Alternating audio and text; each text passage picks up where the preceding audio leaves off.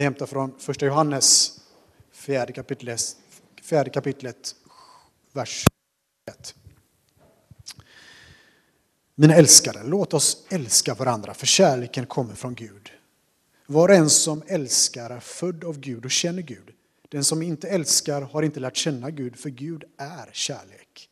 Så uppenbarades Guds kärlek till oss. Han sände sin enfödde son till världen för att vi skulle leva genom honom. Detta är kärleken. Inte att vi har älskat Gud, utan att han har älskat oss och sänt sin son till försoning för våra synder. Mina älskade, om Gud har älskat oss så högt är också vi skyldiga att älska varandra. Ingen har någonsin sett Gud. Om vi älskar varandra förblir Gud i oss och hans kärlek har nått sitt mål i oss. Vi vet att vi förblir i honom och han i oss genom att han har gett av sin ande. Vi har sett och vittnar om att Fadern har sänt sin son som världens frälsare. Om någon bekänner att Jesus är Guds son förblir Gud i honom och han själv förblir i Gud. Och vi har lärt känna den kärlek som Gud har till oss och tror på den. Gud är kärlek. Den som förblir i kärleken förblir i Gud och Gud förblir i honom. Så har kärleken nått sitt mål, att vi har frimodighet på domens dag. För sådan är han. Sådan han är, sådan är också vi i den här världen. Det finns ingen rädsla i kärleken, utan den fullkomliga kärleken driver ut rädslan. För rädsla hör samman med straff. Den som är rädd är inte fullkomnad i kärleken. Älskar därför att han först har älskat oss. Om någon säger att han älskar Gud men hatar sin broder så är han en lugnare. Den som inte älskar sin broder som han har sett kan heller inte älska Gud som han inte har sett. Och detta bud har vi från honom, att den som älskar Gud också älskar sin broder. Så lyder Herrens ord. Gud, vi tackar dig.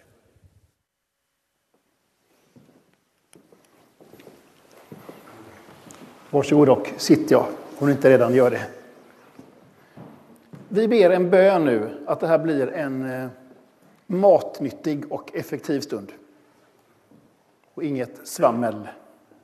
Herre, nu ber jag att du ska använda både det jag har förberett och det som du vill lägga till här och nu.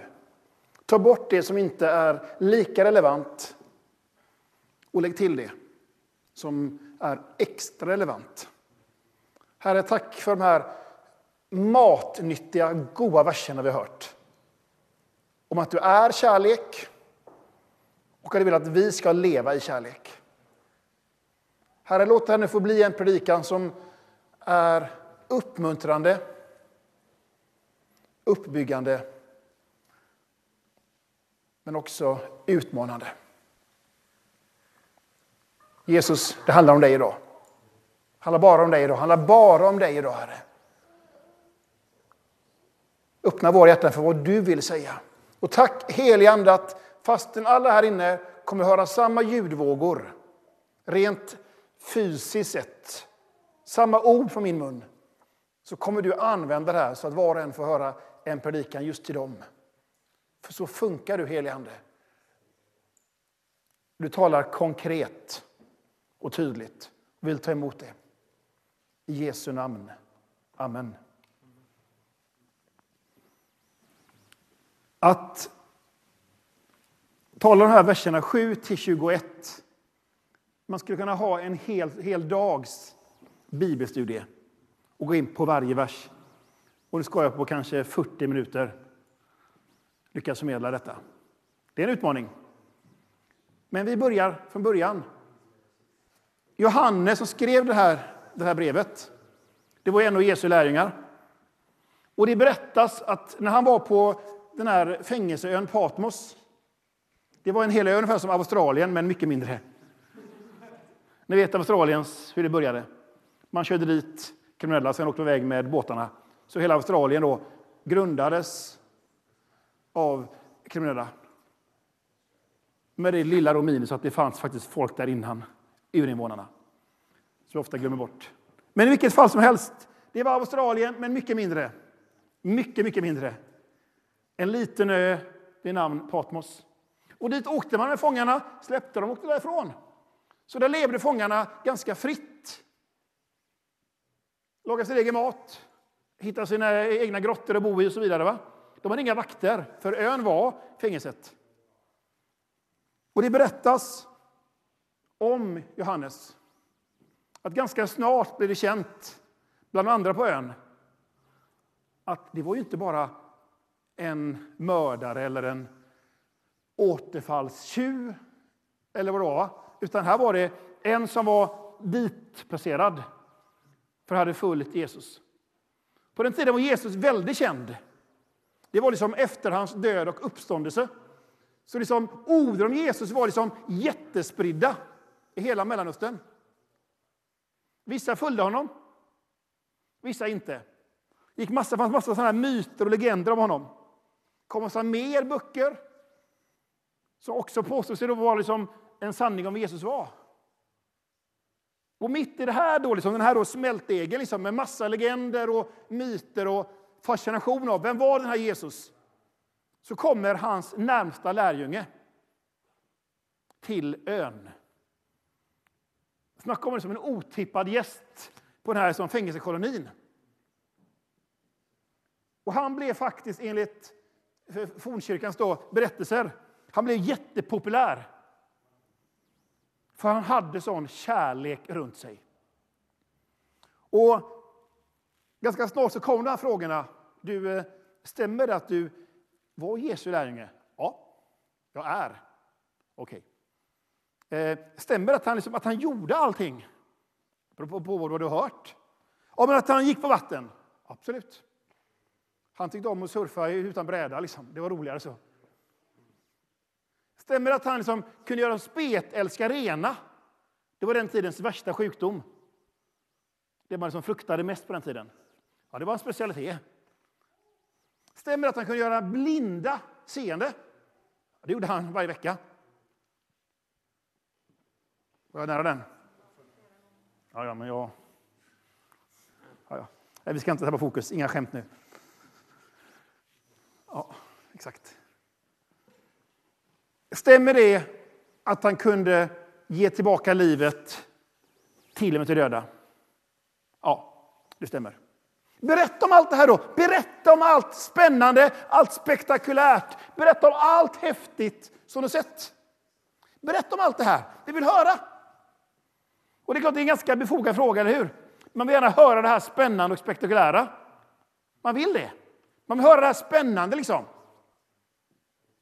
Fram till för bara ungefär två, tre år sedan hade jag varit en av dem som hade sagt berätta om allt han gjorde. Idag har jag frågat berätta, hur var han? Hur var han? Inte vad gjorde han? Hur var han? Vi är så fascinerade över allt spektakulärt häftigt och coolt och, och övernaturligt som Gud kan göra. För han är Gud. Men Johannes log och sa nej, det enda jag vill tala om det var hans kärlek. Det är det enda. Kärleken är allt jag har att ge. Ja, men berätta om någonting då! Nej. Får ni tag på kärleken får ni tag på det andra också. Men missar ni kärleken missar ni det andra också. Nu lämnar vi Johannes där och då och går till en profet här och nu. Om jag säger att han, är, att, han är, att han är min vän, då ljuger jag, för han är inte min vän. Men vi har mött några gånger i olika sammanhang. Eh, och den här killen heter Mark. Han hade en liknande upplevelse med Gud. En liknande upplevelse med Gud. Och sa Gud så här till honom. Eller han sa, Herre, varför tar du inte liksom och ger mer av ditt hjärta till ditt folk? Varför tar du inte och ger mer av din liksom närhet, alltså din djupaste kärlek till ditt folk? Varför sker det inte mer liksom under och tecken? Varför sker det inte något liksom mer gudomliga ingripanden? Och han blev chockad över svaret. Så här sa Gud. I'm too vulnerable. Jag är för sårbar. Vadå för sårbar? Sa han så här. My people has married me for my money. Mitt folk har gift sig med mig för mina pengars skull. Det vill säga, mitt folk vill ha min kraft, men vill inte ha mig. Och jag ger inte min kraft till någon som bara vill ha mina pengar. Och sen så sa den här, sa den här då, mannen Mark. Söker du Guds ansikte, då får du händerna på köpet. Men söker du händerna, finner du varken händer eller ansiktet. När du söker Guds ansikte, då kommer famnen. Då kommer kraften. Så det första vi måste liksom slå fast när vi kommer in i den här texten, det är att Gud har inte kärlek. Han är kärlek. Gud är kärlek. Jag har kärlek, men jag är inte kärlek. Det vet alla som känner mig. Och alla som känner dig vet också det. Du är inte ren, genompulserande kärlek 24-7. En dag i veckan är man lite halv okärlek kanske. Gud är kärlek. Det andra det är att du kan inte älska om du inte först har blivit älskad. Det vet vi. Där här vet vi här uppe i huvudet. Men vi vet det kanske inte här. Lyssna här nu. Det här är kanske det svåraste som jag som predikant kan predika för kristna om Guds kärlek. Det är lättare att predika för det folk som inte är kyrkliga. För ju längre vi är med i kyrkan, ju mer smyger det in. Måste jag ändå inte göra lite bra saker? Måste jag ändå inte på något sätt placera mig rätt så jag kan... Nej, du kan bara ta emot. Du kan bara ta emot. När jag var i tonåren såg jag en väldigt skrämmande dokumentär, och många med mig. Och Det var bara liksom en av alla tusen dokumentärer. Men den berörde mig. Det var från om rumänska barnhemsbarn som var helt förstörda för de fick inte fysisk beröring och kärlek. De fick vätska, näring, filtar, säng. De fick allting, liksom, allt som behövdes för att överleva. Utom den lilla detaljen. Den lilla detaljen. De kände sig inte älskade, för ingen gav dem kärlek. Och de blev helt förstörda. Jag jobbar på Fagared, en ungdomsanstalt. En till två dagar i veckan. Och där möter jag de här, den promillen bland svenska ungdomar som har kommit fel. Då kommer man, då får man liksom stöd av socialtjänsten som familj. Och den promillen möter jag den promillen som är yrkeskriminella. Det är unga killar. Helt utan empati ibland.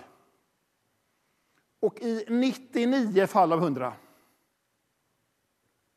är det barnhemsbarnen i svensk kontext. En kille som inte har fått kärlek och har därför svårt att visa kärlek. Gud älskar dig för den du är. Vet du det?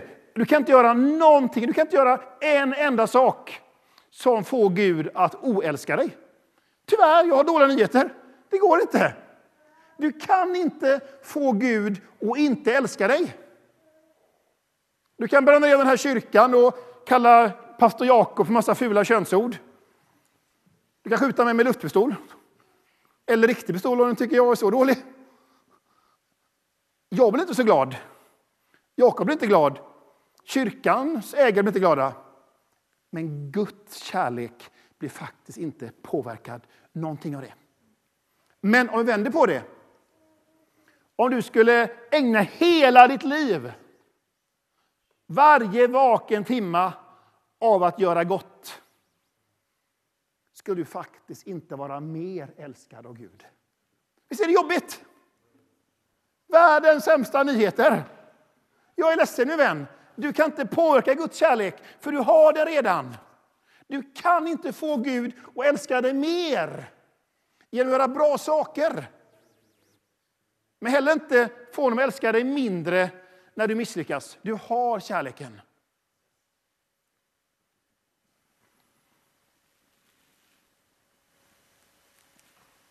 Om jag säger de här orden till dig, Gud ser dig. Gud ser dig. Då tänker nio av tio, nej, han såg vad jag gjorde i förrgår. Nej. Han ser vad jag gjorde igår. Eller han ser vad jag tänker göra imorgon. Eller hur? Alltså, när, när vi hör orden Gud ser dig, då tänker vi direkt, han är ute efter mig. Han har koll på mig. När Gud ser dig ser han en älskad dotter, en älskad son. I Kristus är du perfekt. Vet du, det? du är fullkomlig. Du är fullkomlig. I Kristus är du ren, utan minsta smutsfläck. För att vara lite provokativ, kanske är därför jag är här, vad vet jag. Skulle jag ibland önska att vi kyrkan skulle ha en till bekännelse efter syndabekännelsen. Först bekänner vi vilka vi är i oss själva utan Kristus. Sen har vi bekännelse vilka vi är i Kristus. Och det är en helt annan bekännelse, mina vänner. Genomälskad, syndfri, perfekt, fullkomlig medhärskare med Kristus i himmelen. Är ni med? I honom, i honom, i honom, i hans kärlek är vi något helt annat än vilka vi är oss själva. Jag har en favoritbild. Jag ska hämta en stol här för att visa den.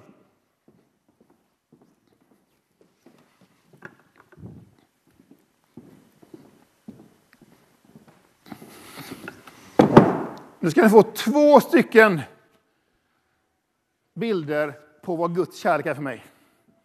Den första bilden kan jag inte visa med så här, den får jag visa med min mun. Den bästa bilden på Guds kärlek, det är en rulltrappa. Är det en bra bild? Ja, det är en görbra bild. En rulltrappa som rör sig emot Guds hjärta, upp mot Guds hjärta. Vad händer om du springer ner för en rulltrappa som rör sig uppåt? Du ramlar och du får ont, men du kommer närmare toppen. När du springer ifrån Gud, då kommer du ramla, men kärleken för dig ändå emot honom. Och går det emot honom, när du som aktivt söker Gud, då är det klart att det går snabbare.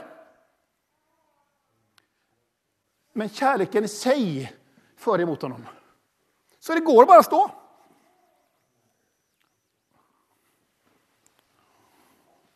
Det är inget bra Michael Jackson, men ändå.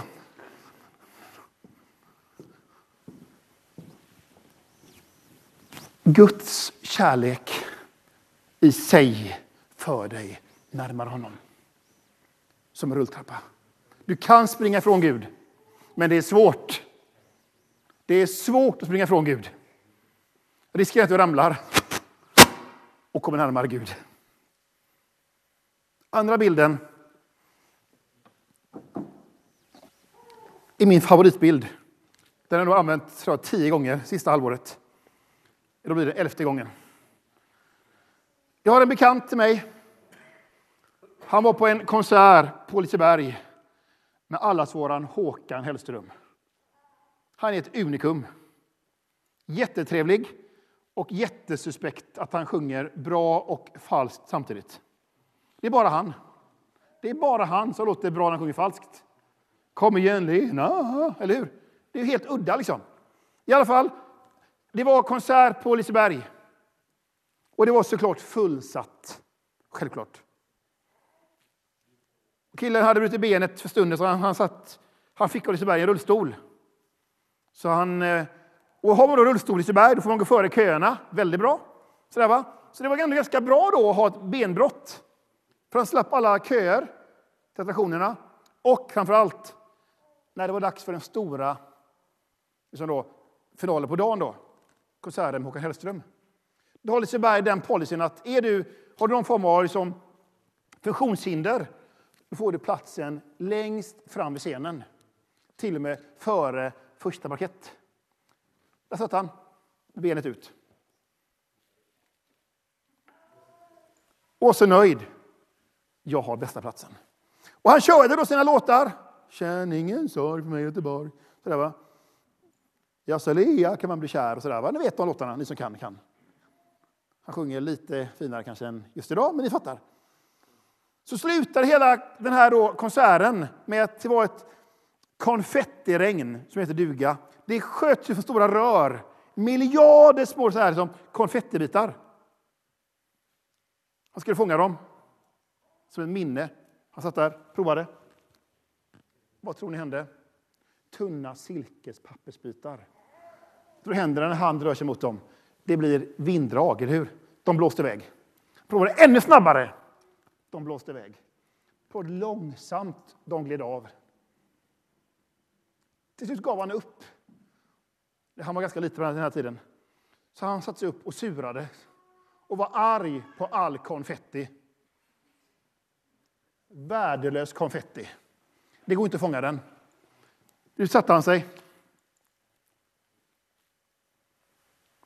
Då blev det en liten konfettihög i varje hand. Så sa han i sönen, konfetti är så konstigt. När man jagar den flyger den iväg. Men när man sitter still, då kommer konfettin till en. Det är bild nummer två på Guds kärlek. Det första är rulltrappan. Det andra är konfetti. Om du försöker anstränga dig för att vinna Guds kärlek, då missar du den. För Guds kärlek är inte prestation, det är en gåva.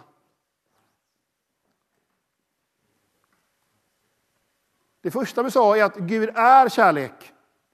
Gud är kärlek. Han inte bara har, han är kärlek.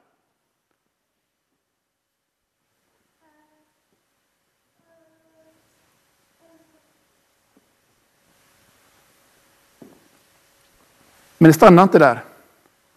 Om jag blir fylld med Guds kärlek, då händer någonting i mig. Apelsinjuice, vad är det som är själva tecknet på att det är apelsinjuice? Är att det är gult? Vad är själva liksom definitionen av apelsinjuice? Exakt! Det är juice av en apelsin. Visst är det en smart predikant idag? Vad är själva essensen av att man är kristen enligt dagens text? Man älskar. Om man inte älskar, enligt Johannes, då känner man inte Gud. Man kan prata massa om Gud. Man kan klä sig kristet, ha kristen parfym. Vilken är det? Ja, den finns nog att köpa någonstans. Allt finns att köpa. En hel marknad för kristna. Du kan ha kristen t-shirt. Du kan lyssna på kristen musik. Ha kristen hårfärg. Allt i ditt liv är kristet. Men om inte människor känner sig älskade i närhet, då känner inte du Kristus. Läste du, eller var du med i texten när du fick uppläst? Som han var i världen, så är vi i världen. Det är läskigt. Är det någon som vet vad ordet kristen betyder? Liten Kristus. Först, den första kallas lärjungarna för, för vägen. Typ som en sån här sekt, vägen, då var de som följde vägen. Jag är vägen, sanningen och livet. Först kallas de för vägen. Sen byttes vägen ut emot Kristus. En liten, eller mot kristna, en liten Kristus. Vet ni varför? För de kristna var kända för att ge kärlek. Om en romersk familj fick en vanskapt bebis, vad det nu innebar. Kanske vattenskalle, kanske klumpfot eller med ett funktionshinder.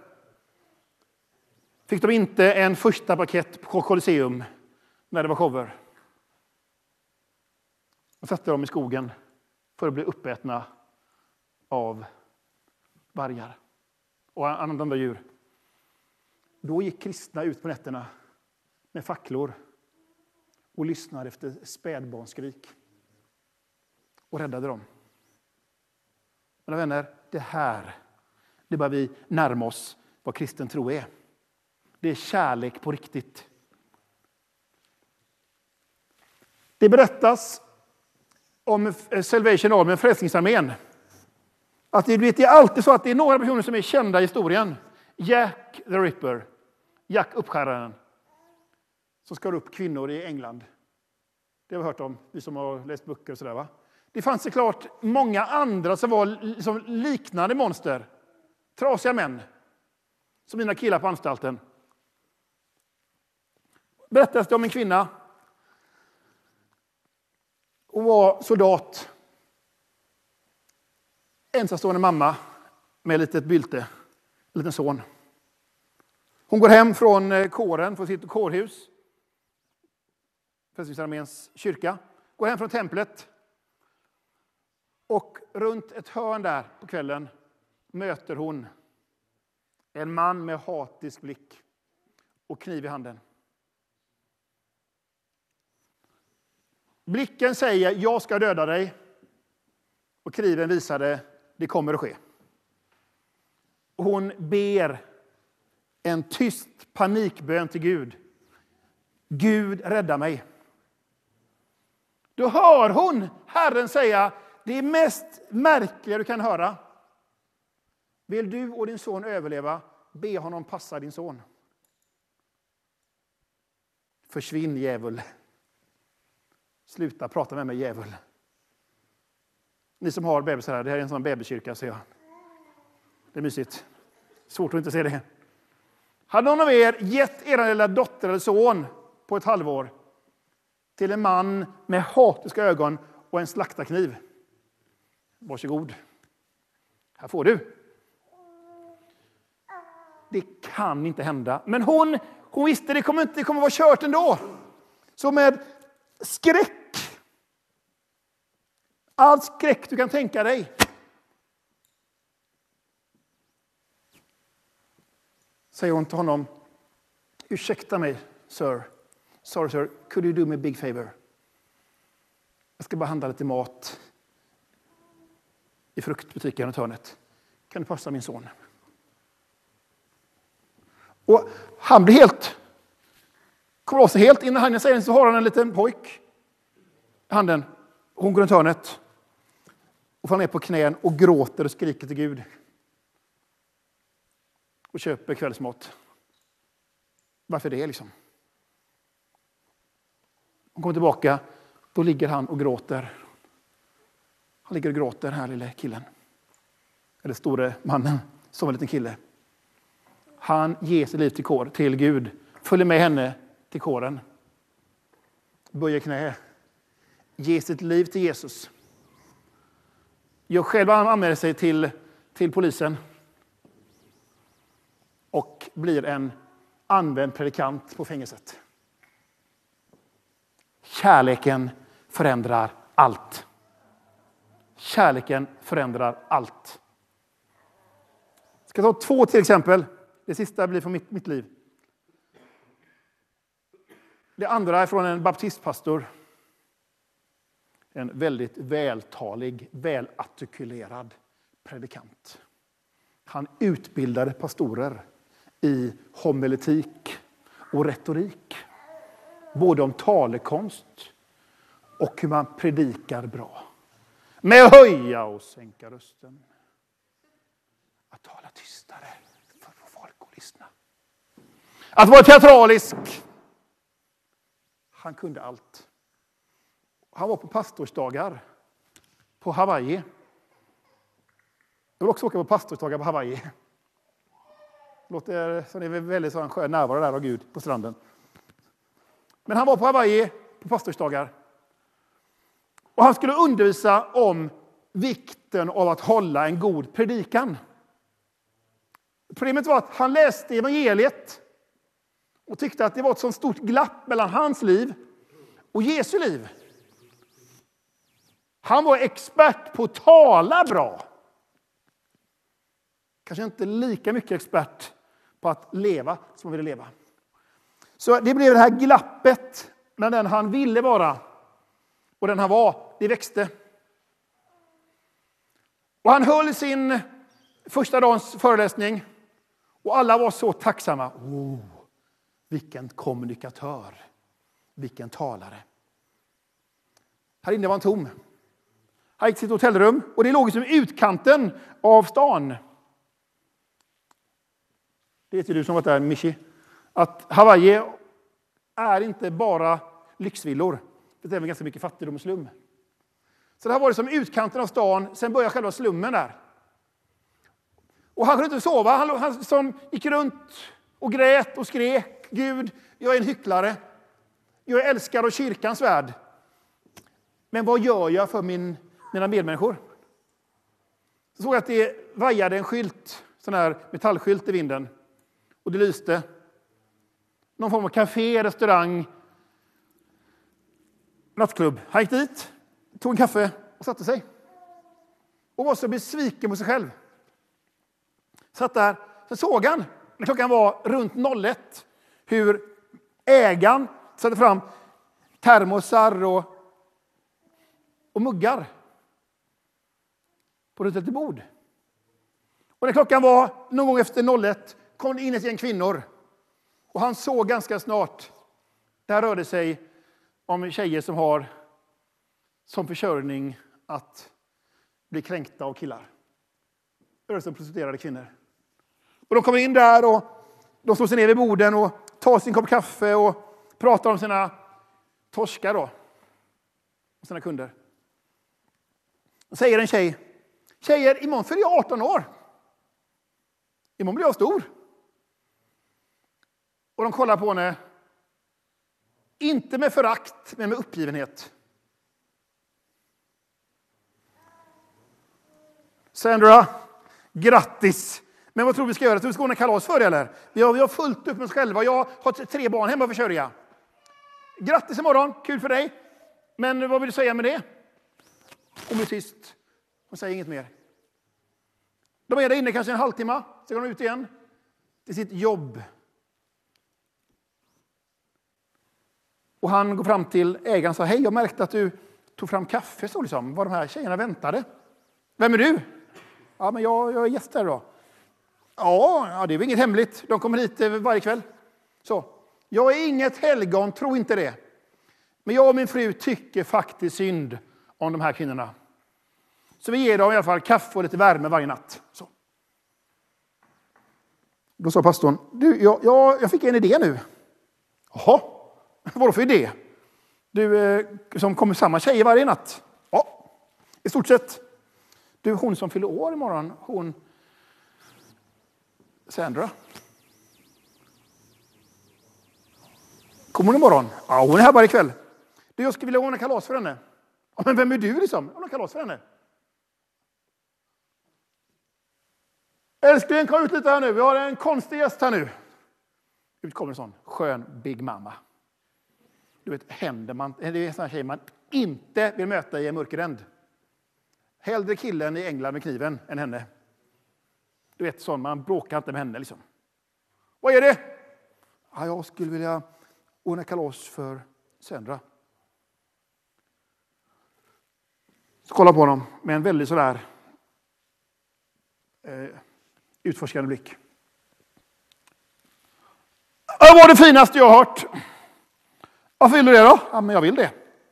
Okej, okay, du fixar pynt, ballonger och girlanger och jag bakar tårta. Deal. Och handen nästan knakade sönder Ja, Big Mamas handslag. Han lägger sig, sover några timmar, vaknar pigg, förväntansfull. Han drar av sin predikan. Bla, bla, bla, bla, bla. Fick applåder, gick därifrån. Nu slapp de här jobbiga pastorerna. Åkte till en warehouse, köpte ballonger och pynt i langer och dukade fint. När klockan var 01 kommer tjejerna in. Ursäkta mig, är det abonnerat? Nej, det är för er. Oh. De som sitter tysta, känner sig lite bortkomna. Sen kommer hon in. Sandra. Och pastorn kom fram med en tårta. Sandra, jag hörde att du fyller år idag. Du bara säga grattis. Så var det 18 ljus som brann. Hon började gråta. Jag har inte fått en tårta någon gång i mitt liv innan. Eh, alltså, jag bor, jag bor bara nere på gatan, kan inte jag bara få gå hem en stund bara för att ha den hemma på mitt bord? Så jag får veta hur det är att ha en tårta hemma. Jag kommer tillbaka, jag lovar! Alltså, det är inte så, du får göra vad du vill, men jag kommer tillbaka. Hon gick ut, stoltare än en Lucia. Samma korta kjol, lika stor urringning, lika kraftig sminkning, men helt annan utstrålning. Rakryggad och stolt gick hon ut. Pastorn passade på att be, en smart bön. Det vill säga en bön i vilken han berättar vad evangeliet är. Tackade Jesus Kristus för att ha visat Guds kärlek. Tackade kom till oss och bar alla, alla våra sår, alla våra sår, alla våra misslyckanden och så vidare. Så han bad en, en bön, han förklarade evangeliet i bönen. Så han, var, särskilt, var särskilt med vår vän Sandra idag. I Jesu namn, amen. Pastoren säger amen, eller kvinnorna sa amen. Och de kramade honom. Han fick så mycket läppstift och pusselmärken på sig. Jag jobbar med frustrerade kvinnor i Göteborg varje vecka. Och om det är någonting de inte ger en man är det umhet. De ger varje tänkbart och otänkbart som kroppsorgan till män. Men de ger inte umhet. Han mannen fick det. Så gick kvinnorna ut. Kvar var krögan, krögarfrun och en expert i talekonst. Och de kommer fram till honom och säger, eh, ursäkta, eh, är du typ präst eller så? Pastor kanske? Du verkar vara kunnig i, i att be och sånt. I vilken kyrka är du pastor? Och normalt var han så stolt över First Baptist Church. Men där och då var det helt ointressant med First Baptist Church. Så han sa, jag är pastor i den kyrka som har tårtkalas åt gatflickor klockan 01.00 på natten. I den kyrka är jag pastor. Då sa mannen och kvinnan till honom. Hade du bott här på Hawaii hade vi varit dina mest trogna medlemmar. Vi är inte särskilt religiösa av oss, men det här tycker vi om. Är ni med? När kärleken blir på riktigt. Till sist. Jag var i Finland och predikade. Och vi tar det här nu kort, för det är en lång historia. Vi tar det så kort som möjligt så vi inte blir för lång predikan. Det var i Tammerfors, det heter Tampere på finska. Där var det en ombyggd biograf som var kyrka. Eller så är det lite friare kyrka, typ som Hillsong. Om Man ska bara ska få en bild av vilken typ av kyrka det var. Så.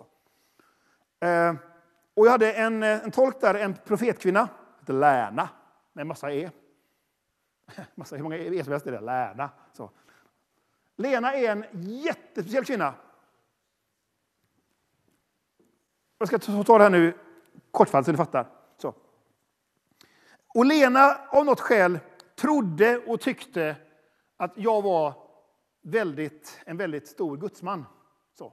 så när hon då ska ta och presentera mig för församlingen säger hon så här. Jag säger på finska, men jag säger det på svenska nu. Då, så. Mina vänner, idag har vi äran av Markus Olsson. Han kanske är det största som har hänt nordisk kristenhet sedan Frank Mangs vandrade runt. Frank Mangs är för er som inte vet en gigant. Alltså väldigt använd gudsman. Så. När Markus bär för sjuka blir man frisk. När Markus ser in i ögonen flyger demonerna ut. Markus närvaro drar ner himmelen. Så använd tillfället och sök förbön. Ja, tack för den presentationen. Jag känner ingen press. Och mycket riktigt, folk sprang fram till förbön. Såklart! De hade hört att det var det största som hänt svensk kristenhet på hundra år. Klart man är sugen på att få del av Gud då. Och finska är ett sånt spännande språk, för det är liksom 19 konsonanter på en vokal. Så det är liksom ganska långt. Alltså en timme predikan på svenska blir två timmar tolkning. Är ni med? Det blir långt. Så mötet höll på i tre timmar. Då började förbönen. Och förbönen höll på i en och en halv, två timmar. Långt möte. Då kommer det fram en man. Fram, framsläpad av två andra killar. Jag hade sett honom utanför kyrkan. Där satt han och satt som en varg och ylade och väste. Väldigt mycket mörker killen. Han hade i sig de här demonerna som hon sa jag kunde ta bort genom att se i hennes ögonen bara. Riktigt så enkelt gick det inte, var det inte. Killen var väldigt trasig. Och du vet, det var sådana här, här starkt möte som Gud var så nära. Man kunde så känna Gud, liksom, både händerna och ögonen. Liksom. Man kunde liksom vara i Guds närhet så tydligt. Det var så mycket Gud i lokalen. Ett möte där verkligen Gud var nära. Trots det. Och jag har mött på massa olika former av demoner och mörka krafter. Men det här var starkt, alltså. det hände ingenting. Jag sa ut! hände ingenting. hände ingenting. Det blev ingen hjälp alls. Ingenting hände. Till slut så, så frågar jag, säger Gud, vad är det liksom? Vad är det som, som varför blir jag inte hjälpt? Varför blir jag inte hjälpt? Liksom? Det är så mycket Gud här. Då säger Gud så här till mig. Fråga honom om han har något sexuellt sår. Då säger då, de som, ja, de som är med då, kan du fråga honom om han har något sår? Du, så, han har det, vi vet det. Så frågar de honom, får vi, får vi berätta ditt liv? Ja, och det, det fick han göra då. Han var ett sånt barnhemsbarn från Rumänien. Jag började säga idag i predikan. Men han var i Finland. Han blev lämnad i en kartong utanför en förlossning. Ingen pappa och mamma, man vet. Kom speciellt på ett barnhem där en vuxen person ansvarade för, för, för, ett rum, var det som det är deras förälder. Hans förälder var förövare. Så länge han kan minnas den lille pojken utnyttjad sexuellt av en manlig pedofil. Killen var såklart helt trasig. Hans enda vuxentrygghet är förövare på ett barnhem. När han var 12 år tog han och rymde därifrån. Han var så fylld med hat. Han var så hård, så han ganska snabbt blev han uppjagad av ett nazistgäng. Och fast han inte egentligen var nazist så, så tyckte han om det, deras hat. För han kände igen sig i deras hat. Och han var deras bästa krigare. Fast han var 13-14 år var han den, den som slogs hårdast och gick in hårdast när det var slagsmål. För han fruktade ingenting. En liten kille som var stenhård.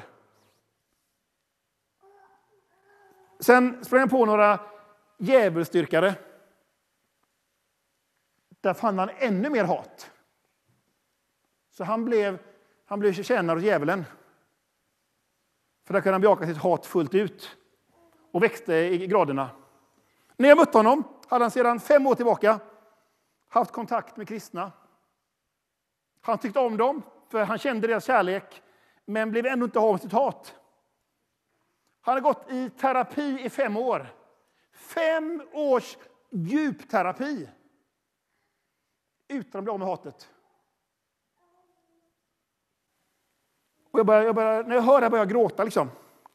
Jag går ner på mina knän och säger nu ska jag göra lite skådespel här nu.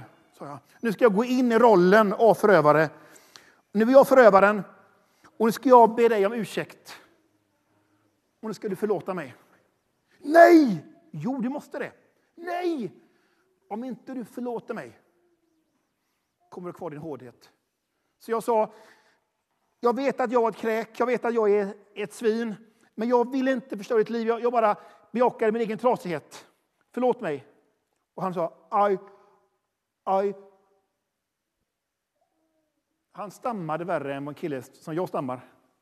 Han stammade värre än vad en stammande kille gör när han stammar. Men inte av, inte av att han talade för utan att det var så jobbigt att säga det. I, I, I, efter många minuters kamp kom orden I forgive you. Och när han sa det föll han ihop som ett korthus. När han sa I forgive you. Det hände någonting som gav upp då hatet. Jag tog jag ställde honom upp. Och jag kramade honom. Jag stod och kramade honom i 40 minuter. Har aldrig kramat någon stående så länge. Inte, inte ens en flickvän. Kanske man lägger sig istället om man vill hålla på länge. 40 minuter. I den kramen kom Guds kraft. I kärleken kom Guds kraft. Inte genom att söka händerna. När vi sökte ögonen i Guds hjärta, då kom kraften. Killen blev helt fri. Dagen efter mötte jag honom. Han har aldrig skrattat på fem år, enligt de här killarna. Så möter jag honom i en lägenhet. Look Marcus, I have bigger mouth than you have. Tar ner ett glas i munnen. I am, I am number one. Mm. Han visar hur storkäftad han är. Och det var det vackraste jag sett. När en kille öppnar munnen och visar hur storkäftad han är med ett glas. För han skrattade. Guds kärlek gjorde undret. Förstå mig inte fel nu. Det var inte Guds kraft, även om det var Guds kraft. Vägen för att förmedla Guds kraft var inte kraften i sig. Den fanns där innan. Det var när Guds kärlek blev på riktigt. Så Gud inte bara har kärlek, han är kärlek. Och när jag säger till dig, Gud ser dig, då ser han inte hur dålig du är. Då ser han vem du egentligen vill vara. Han ser din längtan. Han ser den du egentligen vill vara. Det finns ingen dom för dig. Du är fri. Du är fri. Vänner, jag vill inte att någon av oss, jag vill inte, jag kan inte bestämma det, men det är min bön. Ingen av oss här ska gå hem idag och vara osäkra på att vi är älskade av Gud. För du är älskad av Gud och du kan inte bli mindre älskad av Gud. Men heller inte mer älskad av Gud. Du står på rulltrappan den dag du tar emot Jesus. Den dag du säger Jesus, hjälp mig. Jesus, ta över mitt liv. Blir du placerad på rulltrappan som är Guds kärlek. Den dagen sätter du i stolen och kan ta emot konfettin. Ta emot Guds kärlek.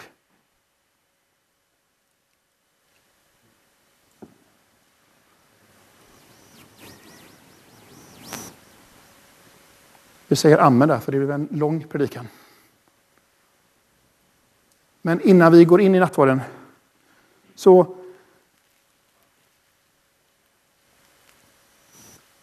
tror jag faktiskt att det finns mer än en person här inne. Jag tror det som faktiskt har försökt att fånga Guds kärlek sittande i stolen på Liseberg. Om jag bara ber lite mer. Om jag låter bli och internetsurfa på den sidan. Om jag bara gör det här och inte gör det här. Det är helt fel tillvägagångssätt. Du är älskad. Och i möte med kärleken, då händer någonting. Kan vi inte lägga handen på hjärtat nu allihopa? Och eh, blunda. Och när alla nu har handen på hjärtat så, så, så vill jag ta, be en bön för dig som, som har hört predikan. Vi har hört olika saker, men det är framför allt du som har hört som har svårt att vara trygg i att du är älskad av Gud. När du hör orden Gud ser mig blir du rädd. Det här är till dig. Du som inte av något skäl, kanske av dålig predikan, dålig förkunnelse, kanske av livets trauman, inte är riktigt trygg i att du är älskad av Gud för den du är. Du som inte är säker på att du kommer till himlen. Det här är till dig. Ta emot denna frälsningsvisshet. Det finns ingen fördömelse för den som är i Kristus. Du är ren. Och när du går in i nattvarden nu kan du precis som kvinnan i berättelsen gå fram med rak rygg. Stolt. Inte över dig själv, utan över vem du är i Kristus. Det är det första jag vill säga. Och till, till, till er andra, eller till en annan grupp här inne. Jag hoppas du hörde vad Anden sa till dig. Han vill ge dig mer kraft för det du behöver. Mer kraft i att be för sjuka människor så de blir friska, om det är det som ligger på ditt hjärta. Mer kraft för förändra världen. Men det kommer inte när du söker det spektakulära. Det kommer när du söker Jesus. Som Johannes sa, nej, kärleken är allt jag har att ge. Får du tag på kärleken får du tag på allt. Om ni missar kärleken missar ni allt. Amen.